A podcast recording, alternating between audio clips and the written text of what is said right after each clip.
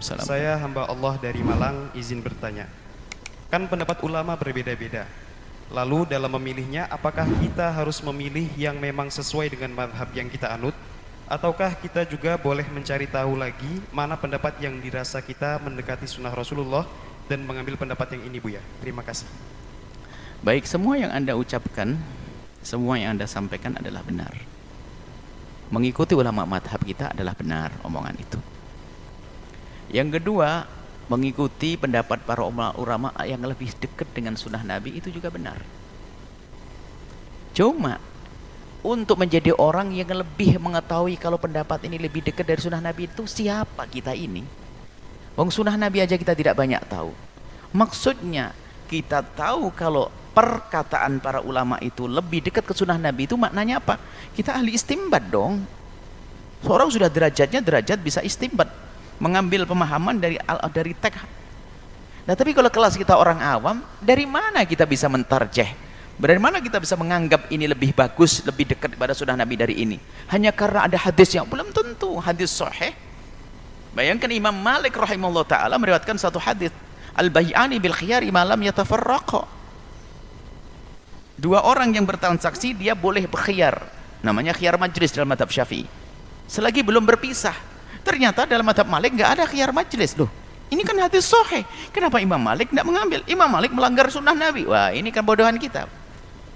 Jadi nggak segampang itu, saudaraku yang saya aku cintai. Maka yang pertama tadi itu yang paling tepat. Anda ikuti sesuai dengan madhab Anda.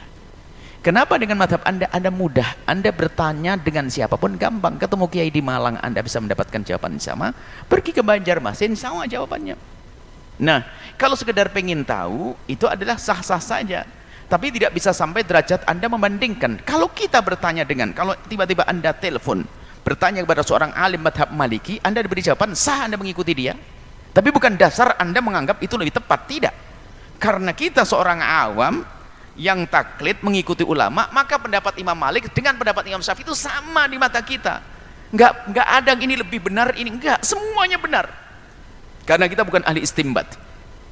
Sehingga kalau seandainya kita ini biarpun kita madhab syafi'i kalau itu kita bertanya tak tanya itu adalah madhab Hanafi menjawab benar kita ngikuti dia.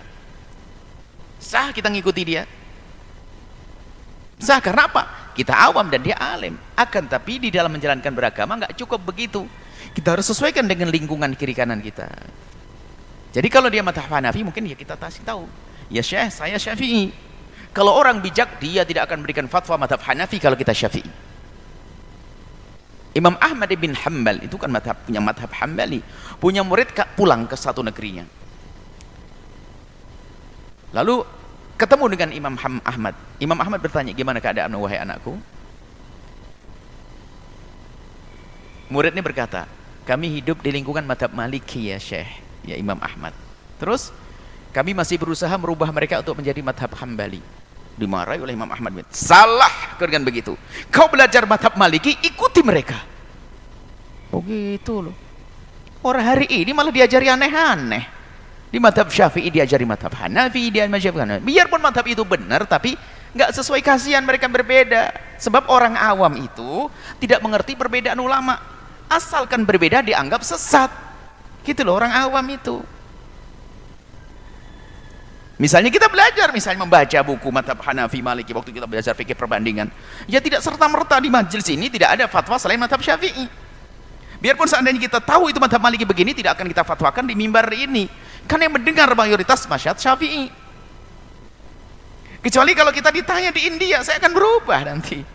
Madhab Hanafi yang saya sebutkan. Inilah adab Ustadznya saja harus punya adab. Bagaimana kita sebagai seorang yang belajar lalu wah ini madhab Imam Malik lebih dekat dengan sunnah Nabi. Madhab Syafi'i gimana? ya kurang ajar kita. Oh ini madhab Hanafi lebih dekat. Aduh kok lebih dekat? Kok kayak kita sudah sampai derajat martabat ijtihad? Tidak begitu. Sebab perkataan ulama sama di mata kita. Karena apa? mereka istimbat dengan hujah dengan dalilnya. Ini juga tangan. Kalau ada perbedaan tentu ada satu sisi yang dilihat menjadi berbeda. Pandangan cara pandang yang berbeda. Banyak kisah tadi ada lagi kisah tentang Sayyidina Usamah bin Zaid. Melakukan sholat. Lalu kelihatan auratnya. Halla yastur eh, abuhu ibni sampai ditegur kok. Kenapa kok tidak ditutupi ini aurat anaknya ini?